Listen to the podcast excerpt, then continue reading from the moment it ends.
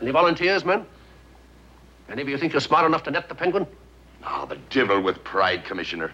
I speak for us all. There's but one man living who can throw the net over that cagey bird. Thank you, Chief O'Hara. I admire your honesty. And I make it unanimous. Whoever he may be behind that mask of his, our only hope is the Cape Crusader.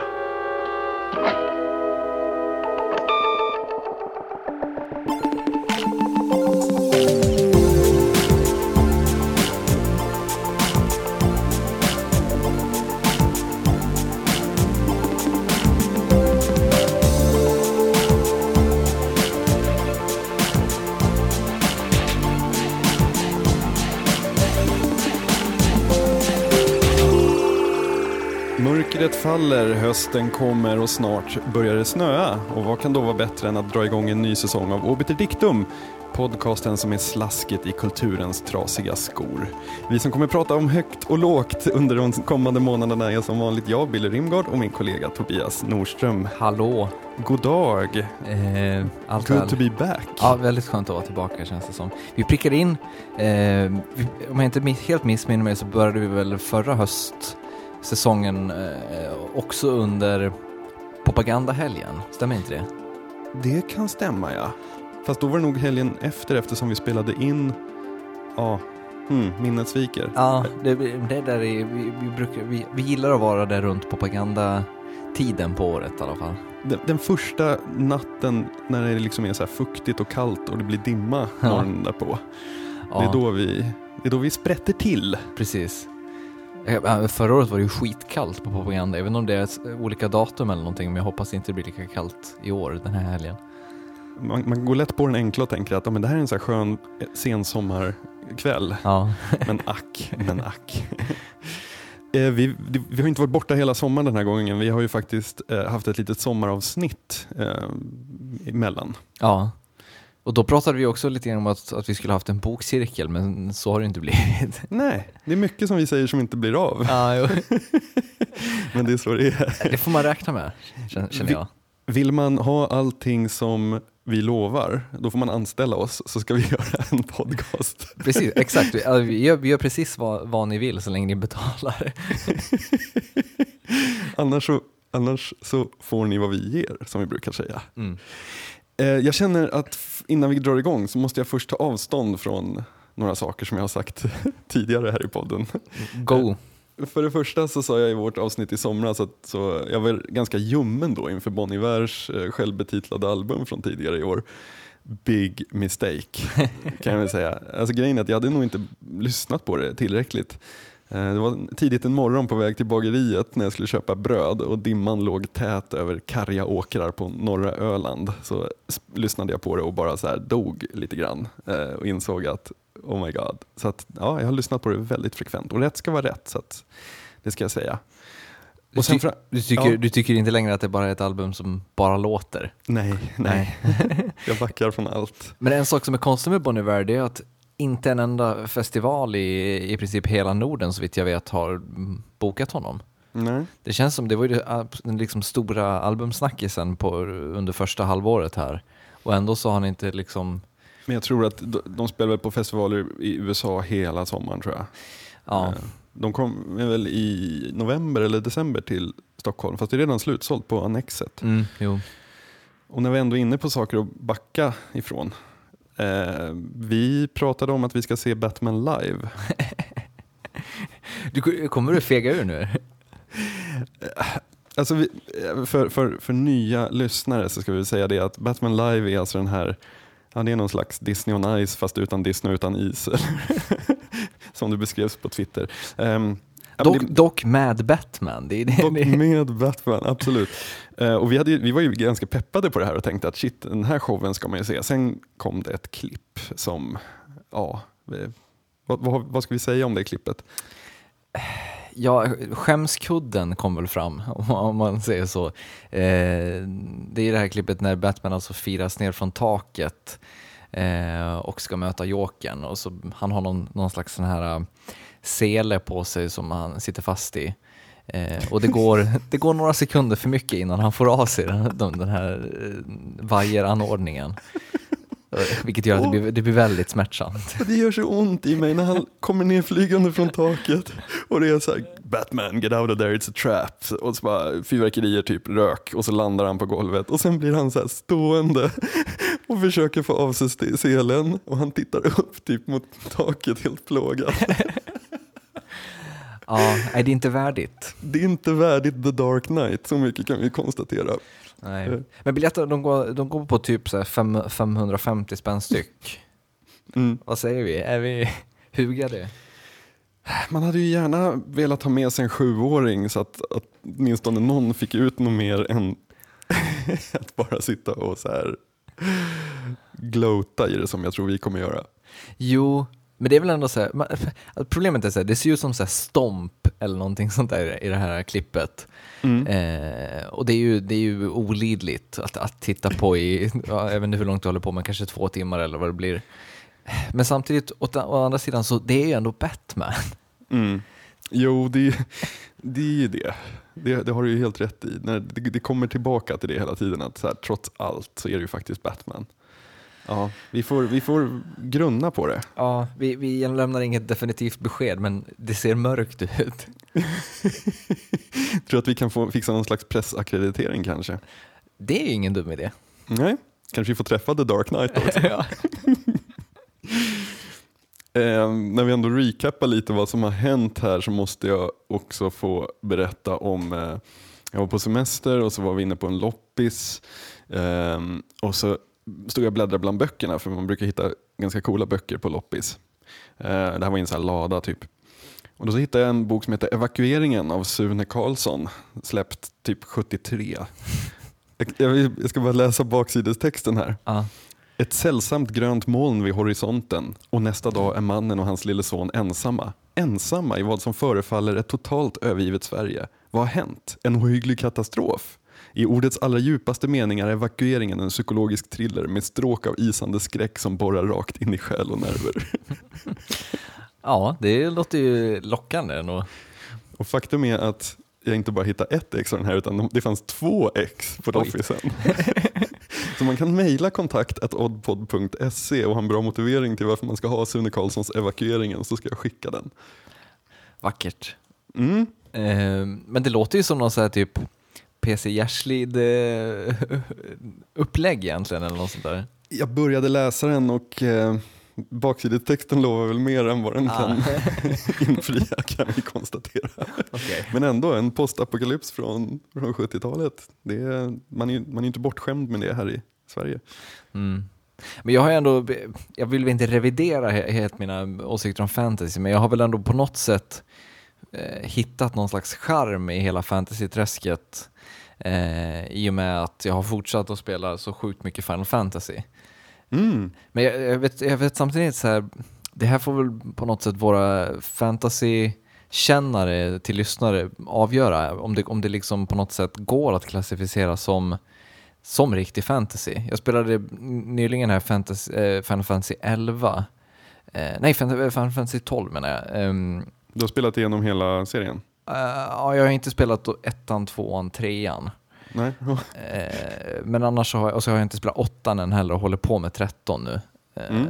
Åttan så är ju min skiva kassat. Jag måste hitta en ny, en ny, ett nytt ex av det. Men, men framförallt så kände jag att tolvan, det, var, det på något sätt levde upp till hela den här bilden av fantasy med massa namn och eh, historier. Och, och sen man, Du- man, man går ju väldigt mycket också. Det är ju väldigt mycket så här, ja nu ska vi gå här mellan 300 olika byar innan vi kommer fram dit vi egentligen ska. Så att, ja, kanske. Du är inne på det där med att genealogin, det är den som styr. Ja, Men för mig kändes det rätt i alla fall. Nu, För Ja. mig kändes det som att nu är det, okej det här är faktiskt fantasy. Ja. Alltså, vi måste ju säga det att vi, vi fortsätter ju få mejl om vårt avsnitt eh, där vi satt och diskuterade sci-fi versus fantasy. Och vi ska väl erkänna att det kanske inte var det mest genomtänkta avsnitt vi, avsnittet vi har gjort. Eh, det, det var lite så här en diskussion som kom upp och som vi tog lite på volley, får man ändå säga. jo, så var det. Så man kanske borde återkomma till det här på något sätt för att eh, maken till engagemang eh, har vi aldrig tidigare skådat. Och det känns som att det är någonting vi måste gå till botten med det här. Jo, det är väl det. Och det. Vi har väl varit inne lite på det förut, men det känns som att Vi borde ha med oss någon som får vara fantasyns försvarare ändå. Ja. Jag tror inte någon, vare sig du eller jag, kan axla den rollen på ett adekvat sätt. Liksom. Nej. Eh, Men sen, jag vet inte om du har sett det, men Vangelis-synten är ju tillbaka. Jaha.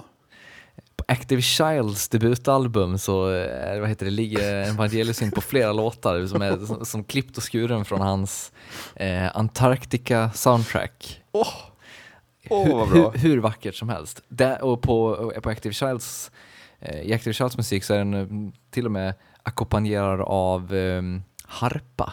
Oj. Det blir väldigt, Jaha. eh, väldigt romantiskt. Jag gillar artister där liksom, alltså vangelisynten blir en, alltså, man behöver inte säga något ljud eller någonting, utan vangelisynten, alltså artister som pinkar in ett instrument. Så, eh, det är väl bara Cure-gitarren kanske som, som är liknande. Men oj vad bra, det, det är ett bra album alltså. Det är också. ett, eh, jag tycker väldigt mycket om det albumet, så att, Mm. ehm, eh, det är ett, ett tips. Vi ska väl presentera en liten ny punkt i höstens eh, Obiter Dictum också innan vi går igång med avsnittet här för dagen. Mm. Ehm, vi tänkte så här, vi tänkte köra en liten B-filmscirkel. Eh, vi tittar på B-filmer tillsammans och pratar om dem, allihopa. Och, eh, alltså, det var väl egentligen det som på typ 80-talet kallades för att, att jobba som filmrecensent. Ehm, men vi tänkte så här att nästa vecka så utser vi en film som vi och ni får två veckor att kolla på. Och så kan ni bomba oss med, med mail och kanske bifoga mp3 med, med mejlet där ni pratar in vad ni, vad ni tycker istället för att vi ska sitta och läsa upp mejl. Det är lite tråkigare. Eh, eller kommentera på, på bloggen och så vidare. Så kör vi en analys av filmen tillsammans och sen upprepas det med två veckor till nästa rulle. Frågan är, behöver vi definiera vad vi menar med B-film? Vi har ju varit inne på det här med bra dåliga filmer. Ja. tidigare. Och vad som är en bra och dålig film, det är kanske det som hela den här B-filmcirkeln ska gå ut på att reda, reda ut. Definitivt. Jag, det, jag tycker det låter som ett utmärkt ändamål eh, för en sån verksamhet. Men om man ska försöka så nischa in det på något sätt. eh, Total Recall, inte B-film. Nej. Eh, Alltså, det får inte vara ett blockbusters, utan det ska vara lite sådär, det ska vara lite knepigare som man inte riktigt har hunnit eh, bilda sig en uppfattning om. Eller knepigare, det var fel ord. Alltså inte så svårt och liksom otillgängligt, utan kanske bara så här, ja, ja, men det får ju finnas någonting som, som på något sätt gör att det, gör att det inte är eh, mainstream eller vad man ska säga. Det, det, straight to video. ja, men det, eh, det behöver inte vara straight to video, men det kan Nej. vara någon limited release. Det kan vara en på- tv-film också. Ja. Men vi vill, som, vi vill i alla fall ha så mycket förslag som möjligt så att vi har eh, att välja mellan. Det känns som att du och jag har nog koll på en hel del men det, eh, tillsammans med våra lyssnare så har vi nog koll på ofantligt mycket mer som kan vara intressant och bra. Precis, nästa vecka så utser vi den först, vilken den första filmen blir så att ös på med, med förslag om, om vad det ska vara. Eh, och, och liksom, ja, alla förslag är bra förslag någonstans, det behöver inte vara så jävla uttänkt. Nej precis, det är bara att skicka ett mail till kontakt1oddpod.se så ska vi ta alla förslag i beaktning. Och när vi talar om film, det kommer bli lite sånt snack i dagens avsnitt. Mm, vi, jag vet inte, vi, brukar tyck, vi tycker väl om att inleda säsongerna med det känns som det gör vi jämt. Mm. och eh, ja, vi, ja, vi behöver nog inte hissa någon spoiler alert-flagga ännu eh, på ett tag. Eh, eh, vi, vi, vi gör det om, det om det blir av. ja. Det, det är ju så här att vi, eh, jag misstänker att med anledning av vår stora säsongsavslutning här för, eh, för ett par år sedan, det är lite coolt att kunna säga det, Ja. eh, förra året var det väl i och för sig, men ehm, säsongsavslutningen på säsong ett så had, handlade det ju helt om Blade Runner. Och jag antar att det är med, med eh, anledning av det så har vi blivit överösta med, med kommentarer på, på typ Twitter om så här, vad vi tycker om att det nu eh, i ve- förra veckan kungjordes att Ridley Scott är klar för att eh, göra en uppföljare till, eller sequel eller prequel kanske. av- av- Eller, spin-off. Eller spin-off. Det är väldigt eh, oklart än så länge. En Blade Runner-film, ny på typ 2013 eller något sånt där, 2014. Ja. 2014, filmning börjar 2013. Men jag känner vi behöver någon form av så här, recap. Vad har hänt sedan 1982 när, när Blade Runner Alltså det är, ju, det är ju inte på på långa vägar inte första gången det, det snackas om en, eh, en till Blade Runner-film utan alltså redan på 90-talet så gick det rykten fram och tillbaka om en eh, eventuell uppföljare då och det, även ifall det aldrig fanns någon, eh, något konkret pro projekt eh, som, som tog form så, eh, så skrevs det ju ändå tre stycken böcker av en nära vän till Philip K. Dick som kom ut 95, 96 och 2000. Eh, och på den första av de här böckerna så, baserades, så skrevs det faktiskt ett, eh, ett manus som eh, var lite cirkulation där i slutet på 90-talet men som sen då förkastades. Um, och sen eh, Ridley Scott har ju själv då hintat flera gånger att han är väldigt intresserad av att göra en, en till Blade Runner-film. Bland annat så, eh, så pratar han om det som någon slags mm, fantasiprojekt eh, vid namn Metropolis där i mitten på 2000-talet och ehm, eh, sa på Comic Con 2007 att det arbetades på ett manus som utspelade sig på The Off-World Colonies. Eh, Total Recall, hette den det?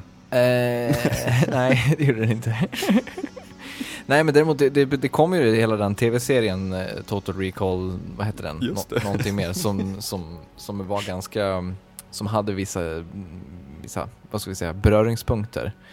Eh, men det, även det projektet då lades ner, det här med det här Offworld Colonies-grejen då. Um, och 2009 så pratade, han, eh, pratade Ridley Scott igen om att han och hans bror Tony Scott då arbetade på en prequel i form av massa små segment som antingen skulle göras för webben eller som skulle eh, bli någon slags tv-serie. Mm, det, det, blev väl aldrig riktigt klart och även det projektet liksom lades ner. Och sen först då i våras så var en av de gamla Blade Runner-producenterna eh, ute och pratade om att han ville blåsa nytt liv i ett nytt Blade Runner-projekt och att han ville ha Christopher Nolan som regissör. Eh, men inte heller det blev av då, eh, utan nu då så är det Ridley Scott som ånyo har deklarerat att det ska bli en film.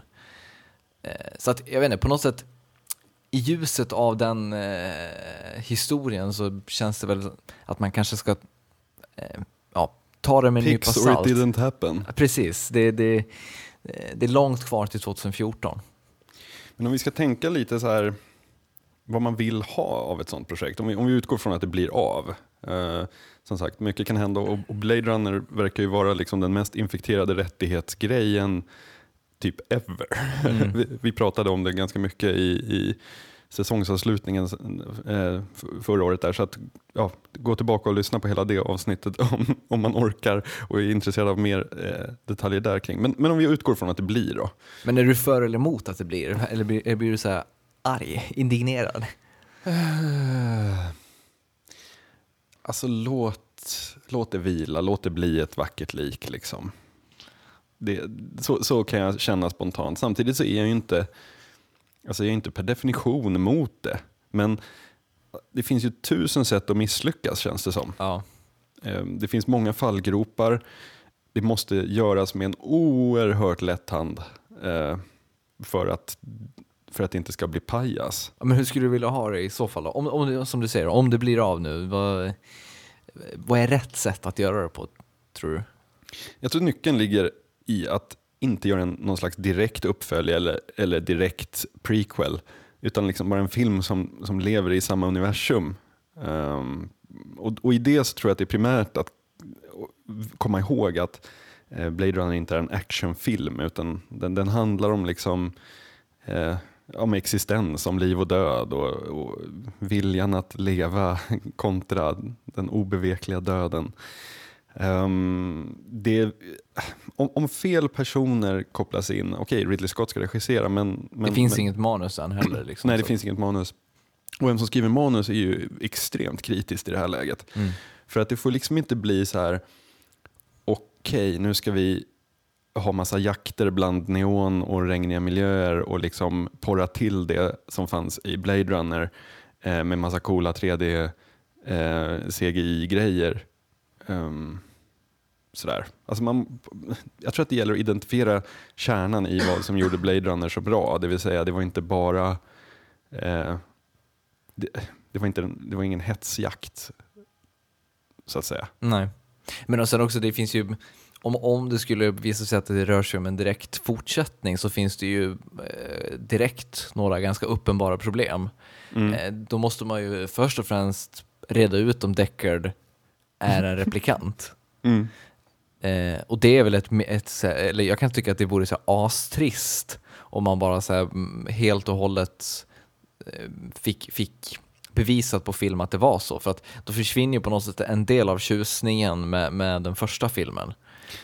Ja, och jag funderar på alla de här grejerna som gör Blade Runner så extremt öppen för en närläsning och för Mm. tolkning och för, för diskussion och debatt. Vågar man göra en så smart film på den, eh, alltså med den budgeten och med den storleken som ett sånt här projekt skulle ha? Mm. Den kommer ju ha krav på sig att här, toppa box office på öppningshelgen och eh, liksom vara topp tre bland sommarreleaser det året den kommer och sådana saker. Ehm, Men tror du det är ett problem?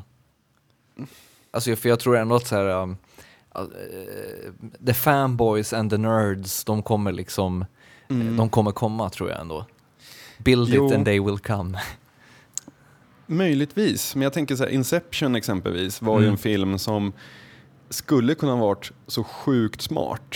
Eh, Men i slutändan, när man har sett den ett par gånger och så, det finns ju inte så här jättemycket stenar att vända på. Det är fortfarande ett ascoolt koncept och världen är jättehäftig och, och jättebra film så.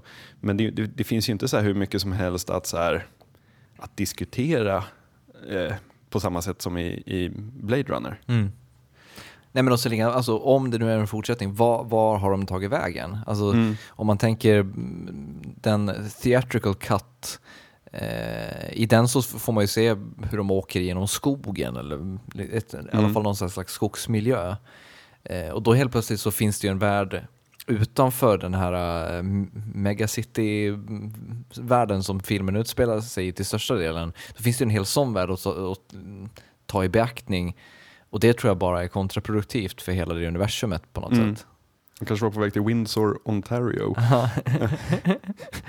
Vi ska återkomma till det senare. Eh, jo, men jag tänkte på en, en, en, en som lyckades mot alla odds. Det var ju en, den nya Star Trek-filmen tyckte jag som kom Mm. år 2009. Mm.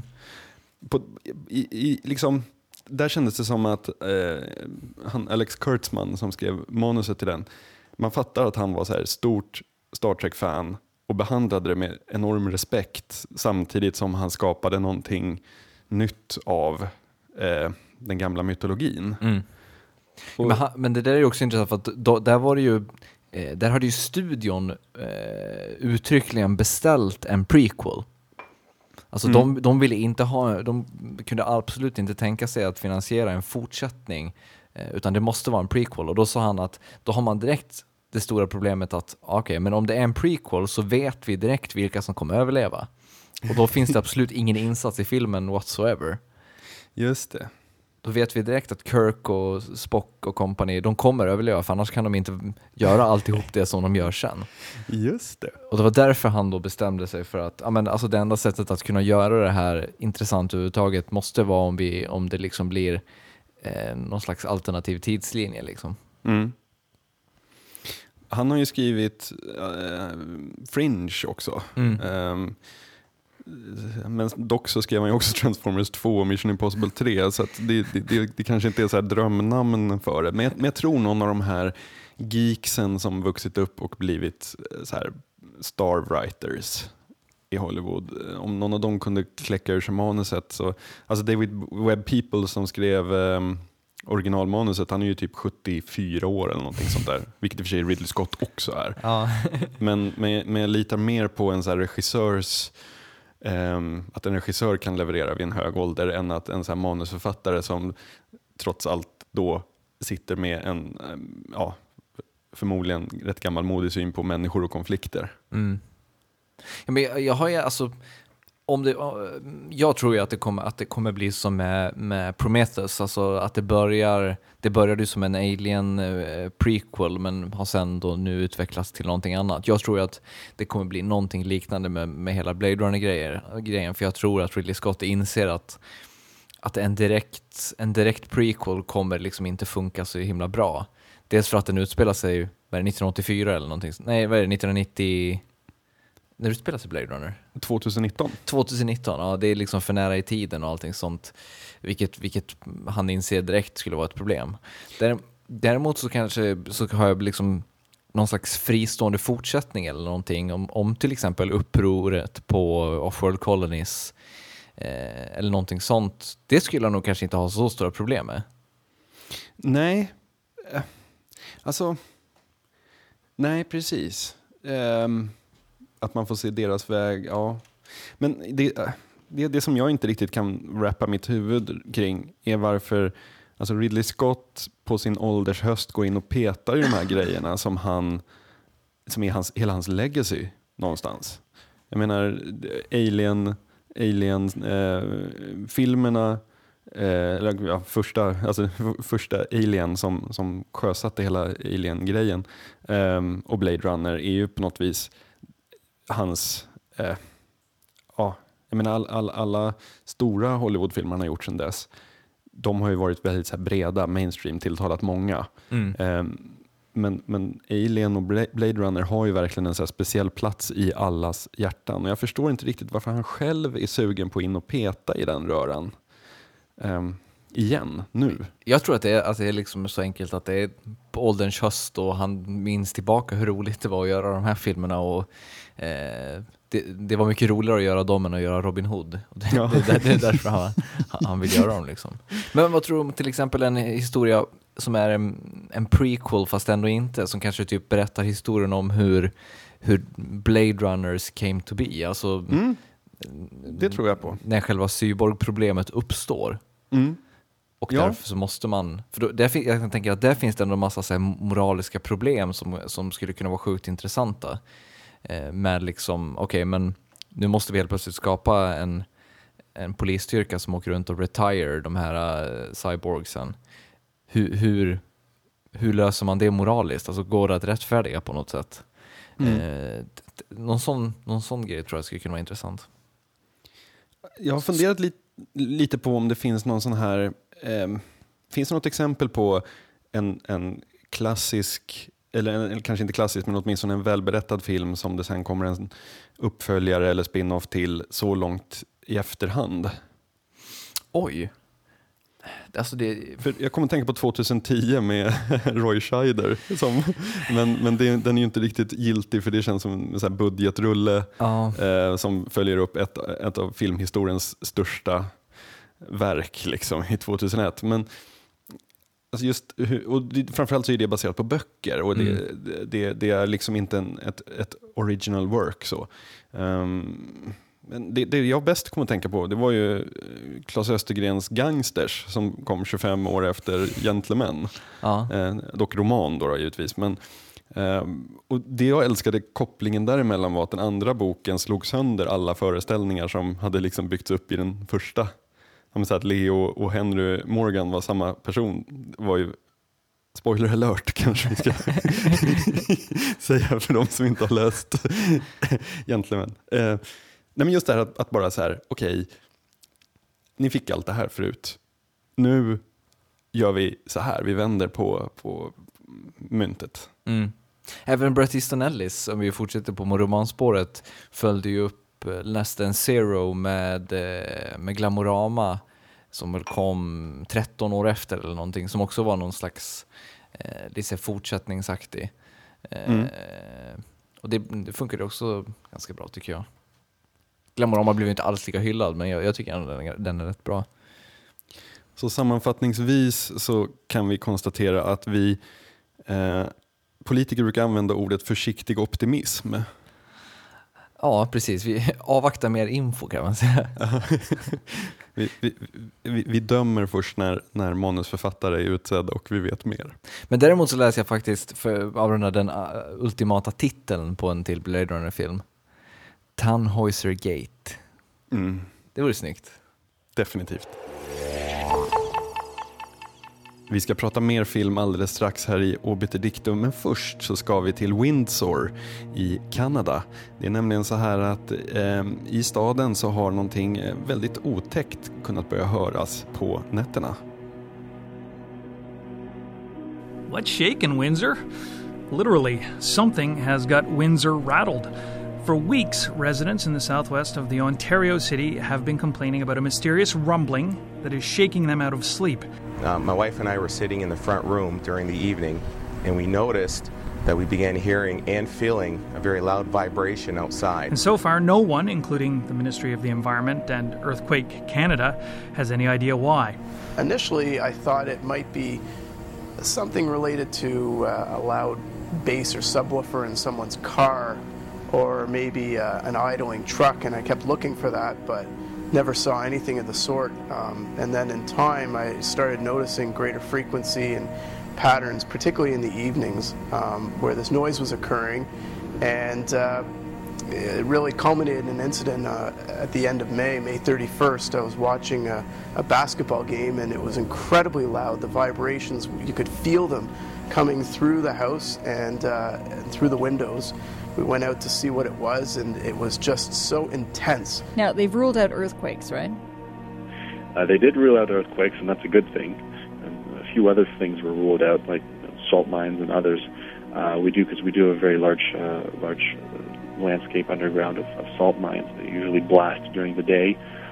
But they ruled them out for the evening, but we don't really know for sure what's causing it. I, I sat and, and the person in the house at the time shut off the air conditioner, shut off the furnace, shut off the water uh, main, shut off the electricity, and turned everything off and around the house. And uh, if you put your palm to uh, the hardwood floor, you could feel uh, some sort of synthetic, uh, synthesi- synthesizing a little bit of a noise vibration.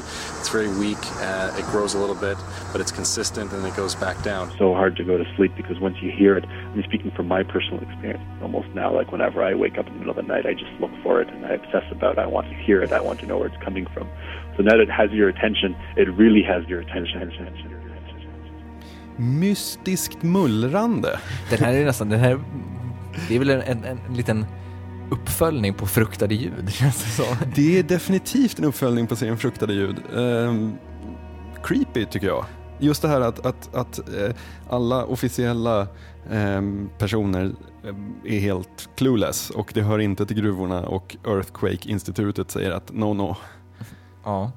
Det, det vad, vad, tror, vad, har vi någon aning om eller någon idé om vad det skulle kunna vara? Du brukar ju eh, frek, frekventera de här konspirationsforumen.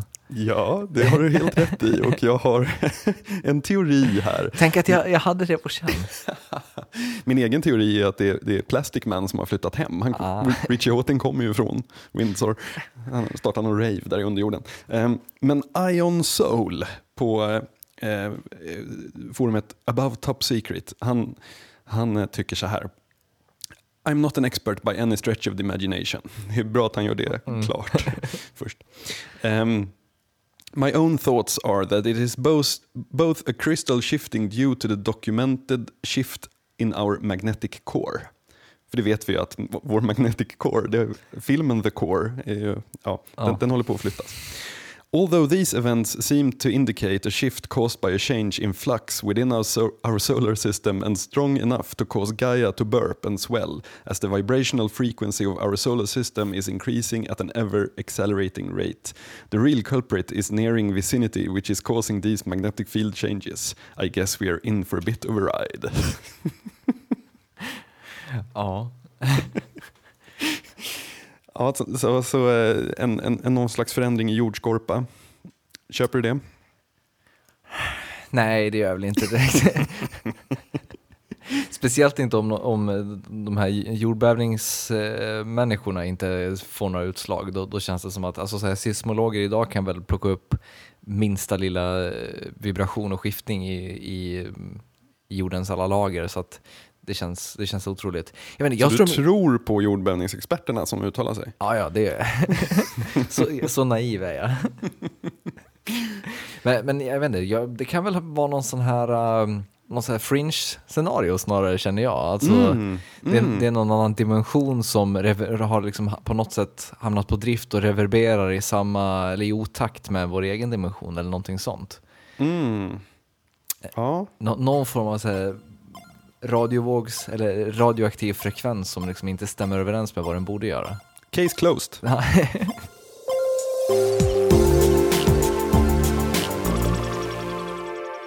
Men om vi återgår till att prata lite film, eh, så, eh, in, så hade vi ju båda i våras ganska skeptiska, men även hoppfulla inför eh, Super 8, JJ Mm. Abrams sommarblockbuster.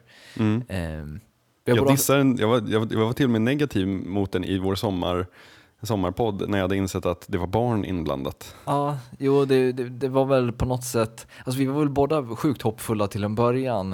Eh, när teasern kom och alltihop det och sen Mm. helt plötsligt så mm, blev det uppenbart att det, det skulle vara massa barn involverade. Och då, då, då föll lusten hårt. Mm. Men varför gjorde den det egentligen? Alltså, eh, Det intressanta, jag måste bara säga det, att eh, nu när jag har sett den, jag älskade den. Mhm. Fantastisk film. ja, vad bra. För då, det gör inte jag. Så att, Nej, nej, trevligt. Eh, men eh, frågan är väl, den berättas ju hel, i princip helt och hållet utifrån ett gäng barns perspektiv. Mm. Men eh, frågan är vad man egentligen tjänar på eh, att placera en film i ett, i ett sånt perspektiv när det ändå är en film som li- liksom inte ska ses av allt för små barn. Precis, jag tänkte på det när jag, när jag såg den, att den är ju stundtals väldigt läskig och mörk och alltså, det är ju ingenting man sätter sin åttaåring eller tioåring ens en gång, kanske tolvåring någonstans där kanske hon kan börja titta på det. Eh, så det är ju verkligen ingen barnfilm. Eh, ändå så är den väldigt naivt berättad. Ehm, och jag tyckte det var ett jättehäftigt grepp faktiskt. Eh, det här är minor spoiler alert. Eh, jag måste ta ett exempel ur, filmen, för, men det är precis i början. Så. Eh, de håller på, barnen i filmen håller på att spela in en egen film. Ehm, och när de skjuter en scen då så är, det en tågkrasch. Och det som är så otroligt bra tycker jag, det är att de har ju verkligen fångat det, hur, alltså hur man var som barn eh, till stora delar, nämligen det här att dagen efter, medan hela stan är så här orolig över vad den här stora tågkraschen, om det har läckt någonting och om det är farligt och liksom varför flygs in clean-up crews och så vidare. Så vaknar barnen och är så här We gotta shoot the next scene. Alltså då, trots att de var med om något väldigt traumatiskt dagen innan så vaknar de och är så här vår film som vi håller på med, vi måste spela in den. Och grejen är att man, man var ju ganska långt upp, kanske fortfarande om jag ska vara ärlig, eh, så var man ju ganska så här one track mind. Ehm, som, som, alltså, ville man ut och leka så sket man i att det ösregnade och var två grader varmt, för man skulle ut och leka. Jo, alltså jag förstår precis vad du menar, men samtidigt alltså jag köper inte alls det att de, att de skulle släppa det de var med om så snabbt på något sätt. Mm. Alltså att man vakar, jag tror inte att man när man är 11 och 12 års åldern vak, är med om en sån eh, traumatisk händelse och sen vaknar upp dagen därpå och bara tänker nej vi måste fortsätta med precis det vi höll på med. Men där kan jag känna att jag köper det just därför att det är barn. Alltså du vet, hade det varit vuxna så hade man ju varit så här, ja men kom igen, du dog nästan igår, hur kan du bara gå upp och göra det här? Mm, Men okej, men en till, en liten spoiler alert också. De, de ser ju den här, den här mannen alldeles blodig hålla på att dö in i den här bilen Ja, sam, samma sant. kväll. Skulle det liksom inte brännas fast på hornhinnan och skada ett barn? Ja, Den, den var väl kanske lite giftigare, ja. Absolut. Men jag tycker inte man ska... Jag har svårt för det här. Är det här realistiskt? Är det här trovärdigt? Ja, jo, jo, Alltså, det, jo, det är klart. det är ändå en film som handlar om, om liksom en alien. Så att, Jo, men, men alltså det, jag, för det jag känner kanske fu- funkar bäst med att ha barnen i den här filmen, det är väl bara, samtidigt att man, det blir ett enkelt sätt att dra dramatiken till sin spets. Alltså, alltså att barnen får på något sätt personifiera eh, något slags mänsklig oskyldighet. Eh, Eftersom att de endast, alltså de, de, de är liksom naiva och de vill väl och de, eh, de vill göra sin film och allt det här. Och därför på något sätt så blir de eh, de personifierar människans godhet på ett sätt. Mm. Och, därför så har vi inga problem med att, liksom så här, att hålla på dem, även ifall de bara vill göra en film. Ehm, och det, det, det, på det sättet tycker jag det funkar bra. Men, men annars så vet jag inte riktigt vad man tjänar på hela barngrejen. Alltså jag, jag tänker så här att barn på film, de brukar oftast porträtteras på ett av två sätt. Antingen ser de de här hopplösa som sinkar huvudpersonen när det är så här, nu måste vi springa, nej jag vågar inte, jag sitter här under, eh, under bordet och sabbar allting. Alltså antingen är det den sortens barn, eller så är de de här Steven Spielberg-barnen som är så här, den vuxnas idoliserande bild av hur bra Barndomen var. ja, hur barndomen var. den lilla flickan i Jurassic Park som fixar Unix-systemet för hon är så himla smart, det är bara det att ingen har sett det ännu. Alltså det, finns, det, det är en så helt, um, helt konstig bild av barn som några slags jätterationella vuxna fast i små kroppar. Mm. Eh, Det brukar vara någon av de två. Det kändes verkligen som, okej nu, Su- Su- Super 8 är ju ehm, producerad av Steven Spielberg men den är inte skriven av honom. Ehm, så det, det, Nej, men det är fortfarande en jävla hyllning till Spielberg. Definitivt, definitivt. Men d- Super 8 tyckte jag lyckades med grejen att berätta en historia ur barnens ögon som kändes som att det var skrivet av ett barn. Det kändes som att det var så här några tolvåringar som hade skrivit manus. Ja, det håller jag med om. Och det leder filmen av tycker jag. Lite grann. Alltså det, för det, det blev ändå så här... Um, alltså hela det nostalgiska greppet funkade inte riktigt för mig. Det, det, det, det gjorde snarare att det liksom att det blev de här, uh, de här barnen som å ena sidan då är liksom jätterädda och springer runt och skriker och, och är så här hysteriska för att, för att det händer alla de här helt utflippade sakerna. Å andra sidan så är de bara, nej, vi måste tillbaka, vi måste rädda den och den och bla bla bla. Ja, men det är en äventyrsfilm, alltså det är Goonies. Liksom. Ja, ja, jo, jag vet. Jag har, jag har problem med Goonies också, men det, i just Goonies så tycker jag ändå att det funkar bättre för att man lägger det på en mer human nivå, eller vad man ska säga. Mm.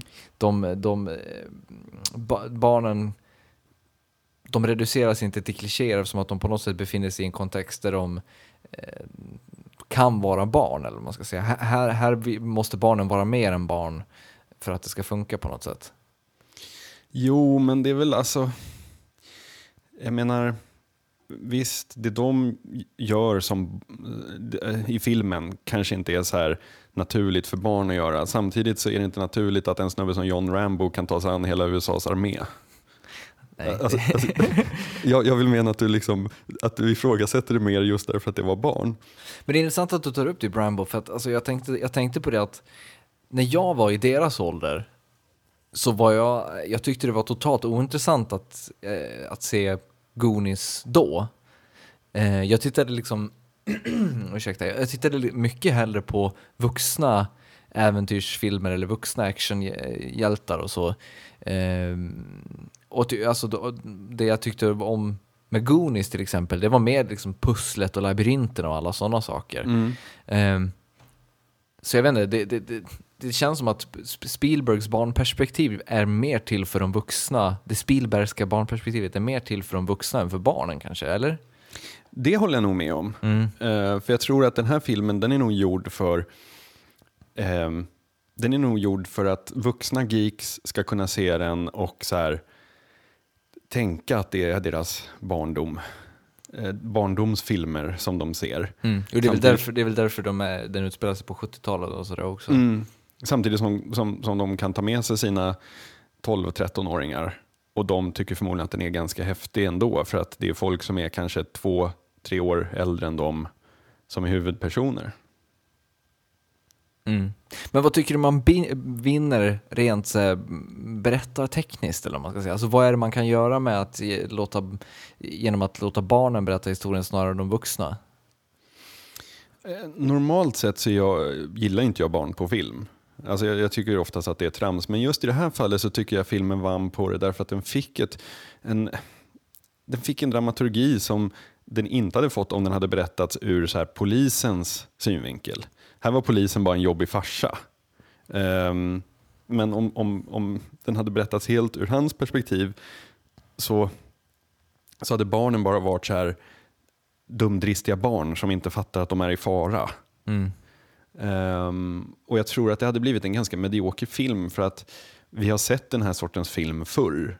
Det är ingen så här, det, var ju, det är ingen banbrytande koncept han jobbar med utan det är ju det är ju en ganska basic storyline. Men däremot så är ju just det här att det berättas då ur eh, kring den här Super 8-filmen som de håller på att spela in. Big plot hole för övrigt eftersom Super 8 inte har ljud vad jag vet. Nej, Eller hur? det stämmer. Men de, de tar väl upp egna ljudupptagningar tror jag. Ja, så kan det vara. Eh, jag tyckte ju för övrigt det att filmen de spelade in var mycket bättre än filmen i övrigt. Den var i och för sig lysande. Och jag älskar att så här, eh, killen som är regissör för deras Super 8-film hela tiden vill filma mot så här, katastrofens, med katastrofen som backdrop för högre production value. Han Ja. tjatar hela tiden om production value och det tycker jag är väldigt roligt. Men eh, vi kan enas om att vara oeniga. Ja, vi får väl göra det. Jag vet inte, jag har, jag har inte så analyserat riktigt vad det var som, så där jättehårt vad det var som jag inte riktigt föll för hos Super 8. Men ja, barngrejen hjälpte nog till och eh, jag tror även att det var att eh, att det känns som att mycket slarvades bort genom den, den grejen och, och det, Mm. det bidrog till det. det, det. Jag tyckte det saknades lite hjärta också på något sätt. Alltså, barnen blev för mycket jag, jag sympatiserade inte med, med, med barnen liksom, på samma sätt som jag kanske gjorde när jag, när jag ser E.T. Ah. Det är Ja, också, det- det, ja. det är, jag funderar på det också, om man, jag menar Elliot är ju sjukt sympatisk i E.T. och det kändes lite som att de, ha- de fick liksom ingen, ingen sån eh, katarsis här barnen. Mm. Ja, men det, det kan jag faktiskt eh, hålla med om till viss del. Men, men jag, jag blev positivt överraskad och eh, ja, definitivt. Jag gillade den. Och därmed så har vi nått fram till säsongens första postskriptum. Yay. Eh, ja, det känns skönt att ha tipssegmentet tillbaka här så man eh, får en anledning att dammsuga alla reader eh, alla reader eh, feeds man har och sånt. Ehm, jag tänkte börja med att tipsa om en intervju med vår eh, gemensamma favoritförfattare William Gibson eh, som publicerades i Scientific American som heter Cities in Fact and Fiction och handlar om den framtida staden. Eh, och du kan ju tänka dig att Mr Gibson, Bill, har ganska intressanta perspektiv och idéer om hu- hur stadens framtid ser ut. Det kan jag garanterat Mm. göra. Ehm, jag, jag ska tipsa om en eh, artikel som, den kom visserligen i juli men, men den är värd att, att, eh, att läsa. Ehm, den heter An Oral History of Friday Night Lights. Eh, det var i samband med säsongsfinalen av Friday Night Lights så är det ehm, en journalist som intervjuar typ alla skådespelare och regissörer och producenter och eh, hela crewet och liksom börjar i säsong ett och berättar liksom hur den sattes ihop och hur, vad som hände under inspelningarna och ja, hela vägen fram till det stora wrap-partyt. Och när jag kom till just det så började jag gråta för det var så himla fin den festen. Härligt. Med det så tackar vi för oss för eh, den här premiären av hösten. Ehm, dra gärna ett mejl till oss på kontakt oddpod.se. Glöm Eller- framförallt inte att skicka B-filmstips. B-filmstips, mycket viktigt, eh, till B-filmscirkeln som vi drar igång nästa vecka då när vi meddelar vilken film det är. Precis. Tills dess så eh, får ni ha det så bra så ses vi snart igen. Det gör vi. Allt gott.